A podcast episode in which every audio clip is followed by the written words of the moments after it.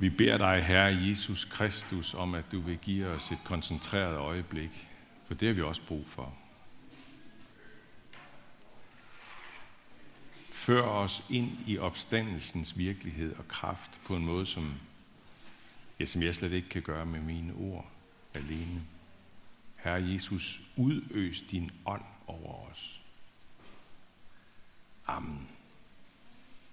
Så skal vi høre dagens evangelium, og det står skrevet hos evangelisten Lukas. Og der står sådan her. Derefter gik Jesus til en by, som hedder Nain, og hans disciple og en stor skare gik sammen med ham. Men da han nærmede sig byporten, se, der blev der båret en død ud, som var sin mors eneste søn, og hun var enke og en stor skare fra byen fulgte med hende. Da Herren så hende, ynkedes han over hende og sagde, græd ikke. Og han gik hen og rørte ved borgen.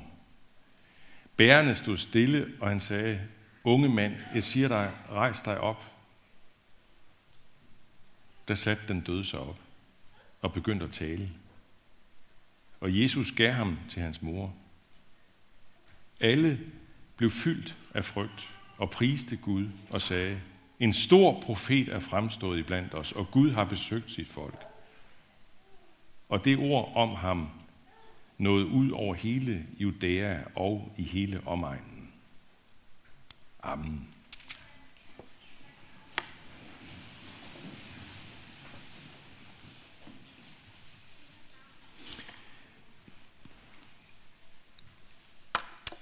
Uh, jeg runder tit øh, kirkebønnen, som vi så også har nu her efter prædiken på, på et tidspunkt, så runder, så runder vi den tit af med ordene, kom snart, Herre Jesus. Kom snart, Herre Jesus. Hvordan hører I de ord? Uh, det kommer, man kan sige, det kommer sådan selvfølgelig helt an på, om man sådan, hvis vi tænker helt ned fra bundlinjen af, om, om hvordan du tænker dig selv i forhold til den kristne tro overhovedet. Det er klart, hvis, hvis du har et, et ret distanceret forhold endnu til den kristne tro, eller et, et, et slags ikke-forhold på en eller anden måde, så er det klart, at så, så forestiller jeg mig, at de ord kan, kan lyde lidt mærkelige. Hvad ved jeg? Det må du selv svare på. Men jeg forestiller mig, kom snart, her Jesus. Altså kom. Hvordan komme? Hvordan skal det forstås? Snart. Kom snart. Er det sådan lige om lidt, eller hvad, hvordan, hvad, hvad tænker vi? Hvordan er det? Og det er meget konkret. Jeg kan oplyse, at bønden er meget, meget gammel. Den er elgammel. Den findes to gange i det nye testamente, og findes endda på originalsproget, det vil sige ikke på græsk, men på aramæisk, altså Jesu morsmål, disciplenes morsmål. Maranatha, sådan lyder den, Maranatha. Øh, og øh, den findes tydeligvis i en sammenhæng, hvor, den har, hvor, hvor man kan mærke, at den har indgået som en del af de første kristnes gudstjenester. Det kan vi i øvrigt finde spor af lige efter det nye testamente i et skrift, som hedder Didache, og som blev skrevet omkring århundrede og hvor den indgår som en del af den gudstjenestlige bøn Maranatha, Herre Jesus, kom, eller kom, Herre Jesus. Det kan oversættes på lidt forskellige måder.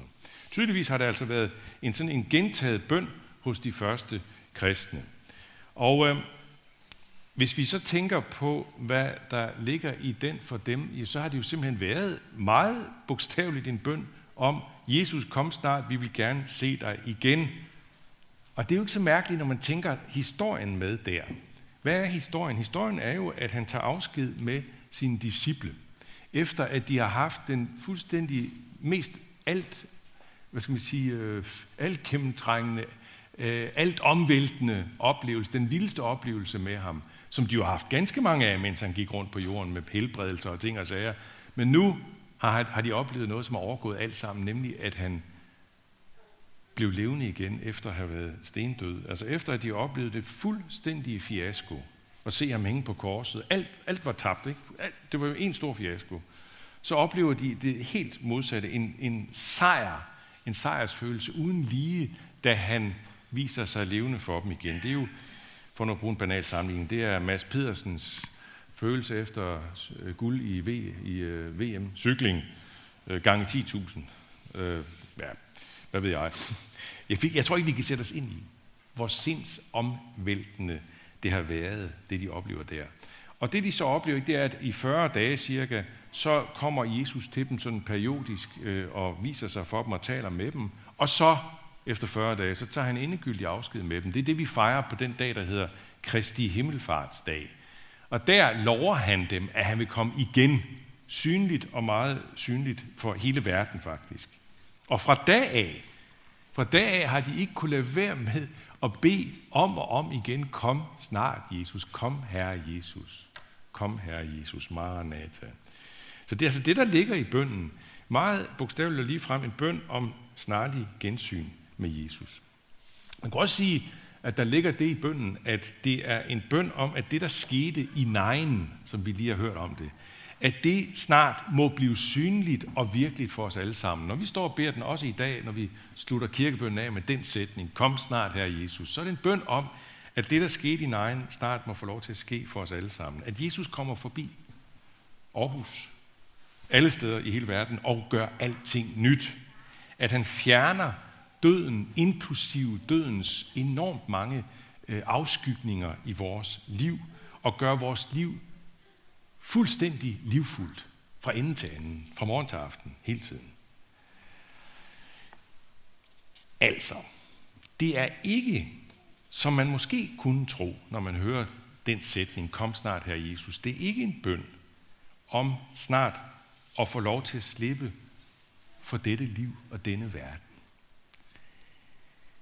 Jeg ved ikke, altså, om det er det billede, man kan få af kristne. Det tror jeg nok, nogen kan få. Nu, øh, lige nu her, øh, øh, med børnesangen.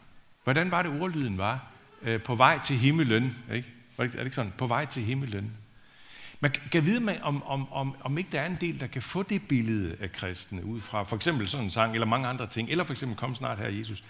Det billede af kristne, at de mest af alt øh, bare skynder sig igennem det her liv på vej til himlen. Vi skal bare, vi skal bare videre, vi skal til himlen.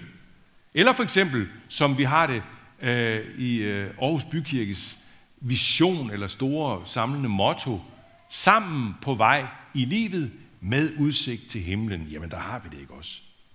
Kan vide, om der er nogen, der kan læse den der vision, som jeg faktisk er enormt glad for, om man kan læse den som et udtryk for disse Aarhus Bykirke kristne, som ja, for hvem livet mest af alt er en mellemstation, noget meget midlertidigt, som sådan set gerne må overstås relativt hurtigt.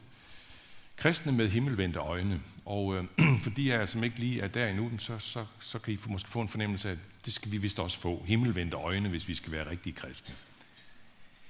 Jeg vil gerne sige så tydeligt, som jeg kan. Bønden, kom snart Herre Jesus. Også den der sætning. Det er en bøn, der bedes først og fremmest på baggrund af livsglæde. Ikke livslede, men livsglæde. Kristne er fundamentalt set som alle andre, hvad livsglæde angår. Vi elsker det her liv og den her verden. De fleste af os hænger med det yderste af neglene med det her liv, fordi vi hele tiden håber på mere af det, på mere af det gode liv, på mere af det gode, vi får i livet, på mere af lykken, på mere af kærligheden, glæden, lyset, alt sammen. Alt det, som vi kan finde på kortere eller længere strækninger i det her liv. Mere af det. Lad det ikke stoppe. Lad ikke døden stjæle det fra os. Lad det ikke få ende. Stands døden. Giv den dødstødet. Vi vil ikke dø, vi vil leve. Og lige netop derpå hvor beder vi, kom snart, Herre Jesus. Kom du, som kan vaske tavlen ren. Du, som kan rydde bordet for alt, hvad der lugter af død og tab og minus i det her liv. Du, som kunne forvandle en enkes situation fra et alt omfattende livstab. Der er ikke bare tale om, bare som om det ikke er nok. Der er ikke bare tale om, at hun mister sin eneste søn. Hun taber simpelthen hele sit liv på gulvet i det øjeblik, hun mister sin søn. For hun er enke. Hun har ikke en mand, der kan sørge for hende. Okay, hendes livsforsikring, hendes livspension, det var sønnen, fordi det lå hos manden alt det der med at tjene penge. Så dør han, hun er færdig. Hendes liv er færdig. Og nu giver Jesus hende alt tilbage. Livsunderhold, livsmening, livsfylde, livsglæde. Kom, Herre Jesus, giv mig livsglæde, giv mig livsmening, giv mig livsfylde. Sammen på vej i livet med udsigt til himlen, Ikke den der endnu. den kommer vi til. Men sammen på vej i livet med udsigt til himlen. Det er en vision, der handler om livsglæde, både i første del af sætningen og i sidste del af sætningen. Den, der længes efter himlen, længes efter mere af det bedste i det her liv. Og det vil jeg gerne give et eksempel på fra litteraturens verden, og det er så det, som I så næste gennem dag derop, nemlig Marilyn Robinsons Gilead, som nogle af jer forhåbentlig har læst, og hvis ikke, så skal I læse den. Nej, det skal I ikke. Øh, glem det. Man skal ikke noget. Men, men det er en fuldstændig vidunderlig bog, øh, skrevet af en af, af de bedste, altså en, sådan en, en Nobelpriskandidat, Marilyn Robinson, som jeg jo kan anbefale på mange måder. Og det er øh, Gilead, den kom for en cirka 10 år siden på Gyldendals forlag i oversættelse, og det er en bog, som får himmel og jord til at mødes på en måde, så man får øje på himlen allerede i det jordiske, og forstår, hvorfor man kan længes efter himlen lige midt i den største glæde på jorden. Lige midt, altså når man har det allerdejligst på jorden, så kan man længes efter himlen. Det lyder måske mærkeligt, men det er det ikke. Hun har sådan en fin sted, hvor en gammel præst sidder og reflekterer. Der, altså, bogen er bygget op af, altså, som en jeg-fortæller, som er en gammel præst, som sidder og reflekterer over sit liv, som meget sent i livet er blevet far.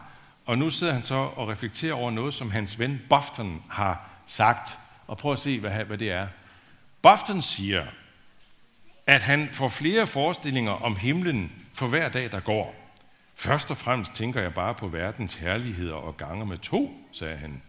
Hvis jeg havde energi til det, ville jeg gange med 10-12 stykker, men, men to er mere end nok til mig.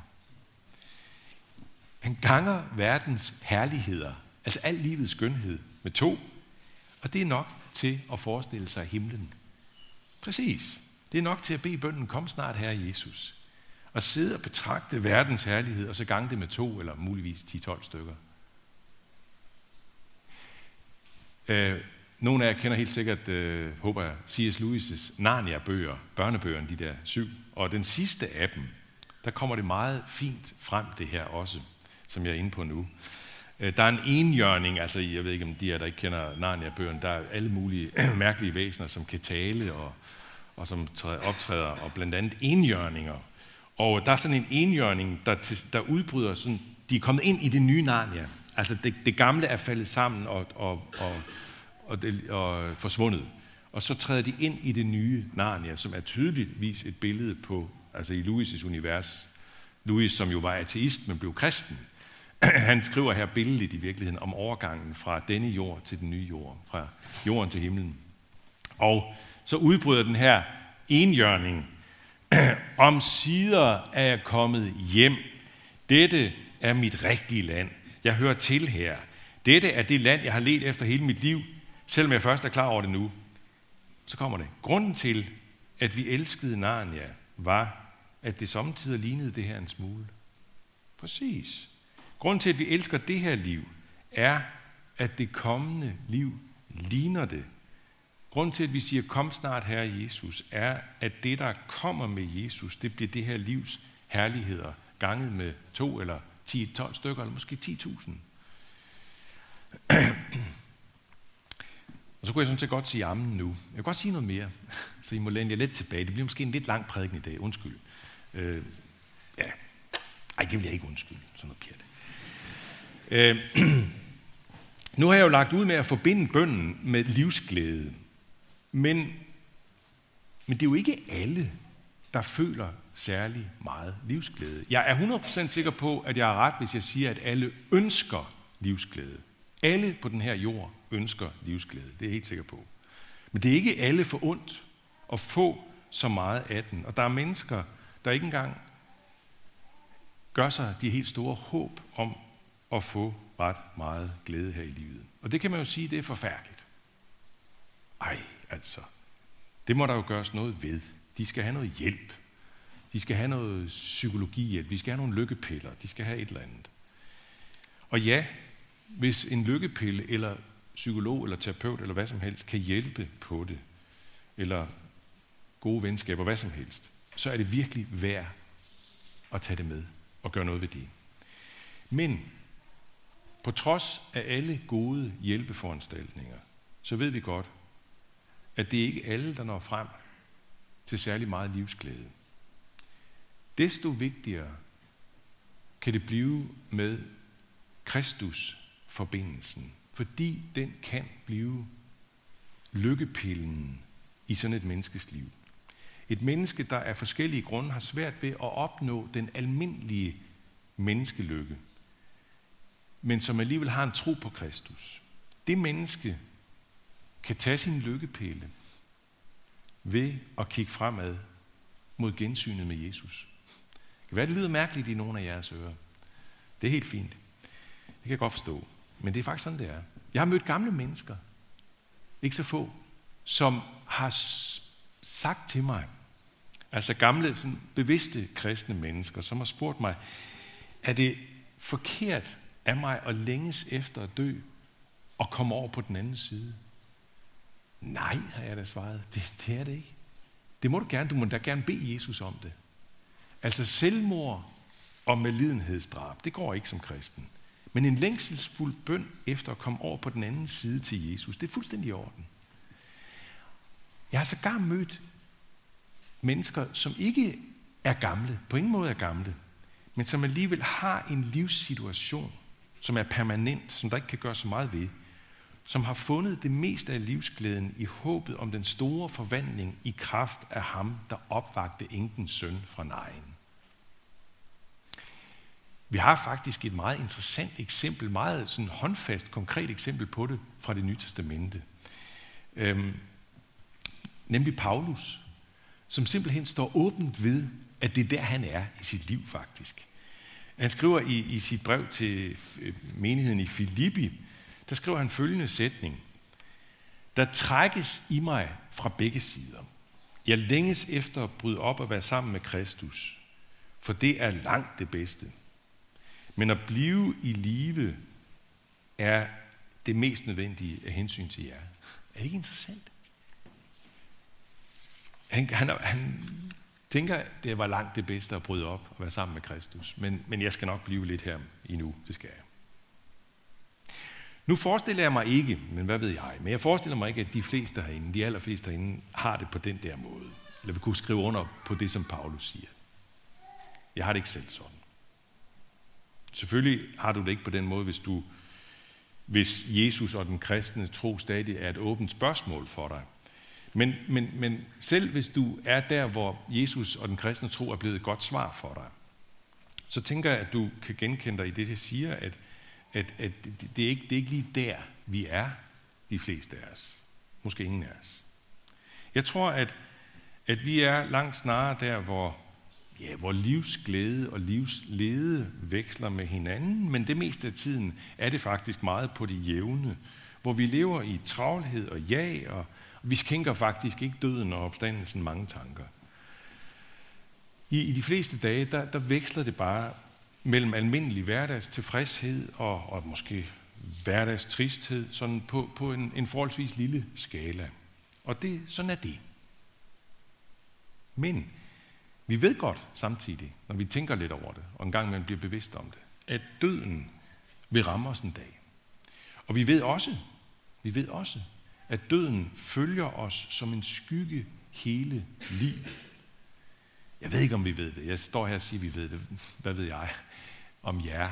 Øh, jeg har nogle gange tænkt over, hvor meget bevidst var jeg mig selv om det, da jeg var 20, 22, 27, 32. Nok ikke så bevidst faktisk, som jeg er nu. Så der er noget, der hedder mit livskrise. Jeg advarer med det samme. Øh, der er noget, der kommer stærkere frem senere hen i livet. Men uanset hvad, vi ved det jo godt. Du ved det godt. Døden kommer, og dødens skygger er der også på en måde. Og derfor kommer vi her. Gang på gang til Guds tjeneste. For at blive rustet til at leve med det der. Og rustet til det store slag, som kan komme når som helst i livet. Vi kommer her til Guds tjeneste og bliver rustet endnu en gang med opstandelsesrustningen. Vi får opstandelsesrustningen på, når vi sidder her. Et helt liv med Guds tjeneste, år ud og år ind, på en meget regelmæssig måde, det giver os opstandelsesrustning på. Og den har vi godt nok brug for. Og ikke bare med tanke på det sidste store slag, når døden rammer en gang for alle, men sandelig også, fordi vi bliver ramt af døden mange gange på vej mod vores egen fysiske død.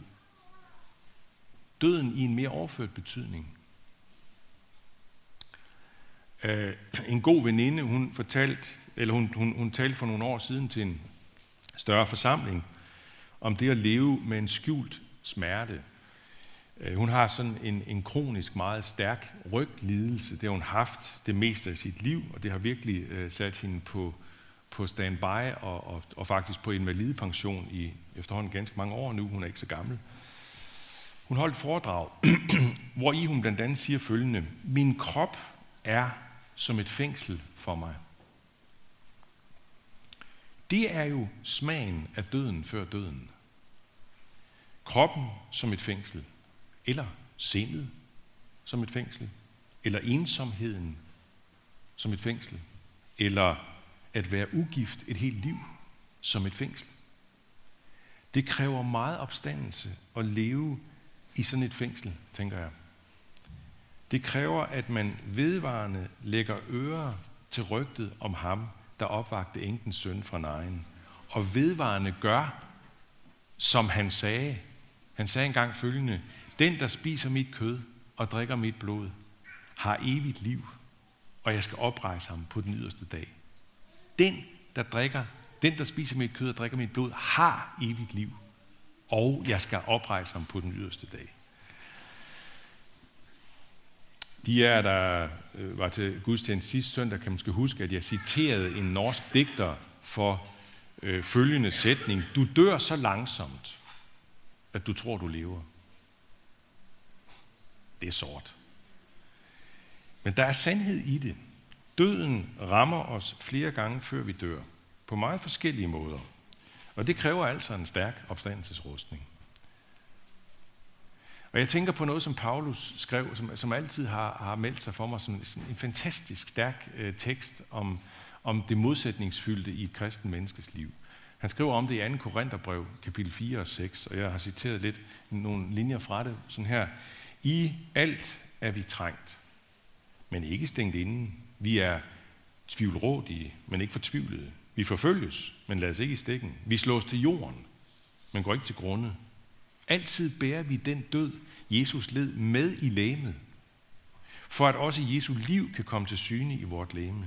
Altid overgives vi midt i livet til døden for Jesus skyld, for at også Jesu liv kan komme til syne i vores dødelige krop. Som ukendte, og dog velkendte, som døende, og se, vi lever. Som tugtede, men ikke pint til døde. Som bedrøvede, dog altid glade. Som fattige, der gør mange rige, som de, der intet har, og dog ejer alt. Så det er så stærk øh, en tekst hos Paulus, det her, med modsætningsfyldtheden. Godt høre det ikke også?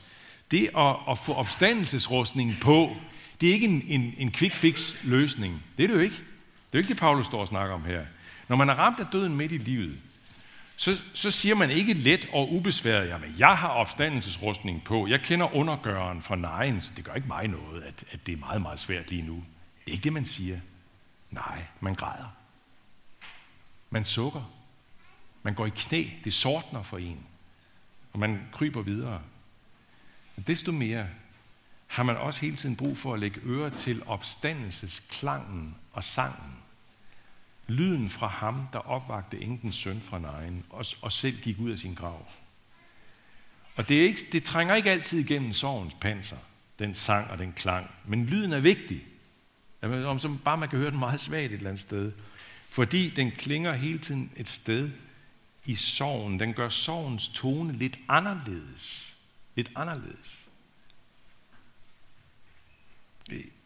Jeg har jo holdt mange begravelser som, som almindelige sovnepræster, og jeg vil sige, at, at jeg har altid haft en oplevelse af, altid faktisk, at når, når det mestendels var en begravelse, der var præget af mennesker, der troede på Kristus, så, var der, så, så havde jeg altså en, en oplevelse af, at der var en, en klang af noget lyst midt i, at de græd lige så meget som alle andre. Ja, hvad ved jeg?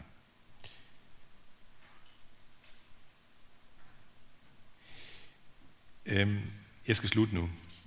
Og vi skal efter øh, prædiken, så skal vi synge en salme, øh, som, som er, der er lavet en ny melodi til, som jeg synes er simpelthen så smuk. Øh, den er lavet af min svoger, Anders Grinderslev.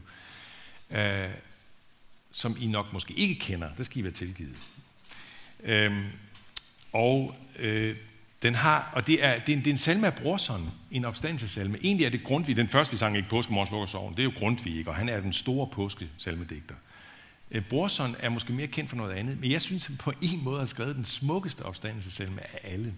Fordi den, den, den ikke øh, bare handler, bare handler om Jesu opstandelse, og det er vidunderlige der, men han fører det helt ind i nutiden, og så handler det i virkeligheden om opstandelsen i os.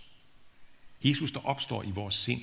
Så gennembryd der sjæl og sind, o Jesus, livets Herre, at troen der kan trænge ind. Hmm? Eller, o lad os dog med dig opstå af gravens mørke bolig. Lad os opstå af gravens mørke bolig, at lyset og altså også til os kan nå. Det er helt vidunderligt. Skal I høre et vers? Så gennembryd da sjæl og sind, O Jesus, livets Herre, at troen der kan han trænge ind, og syndens grav til spærre, at vi dig til himmeri en åben dør kan finde, og ikke gå i blinde.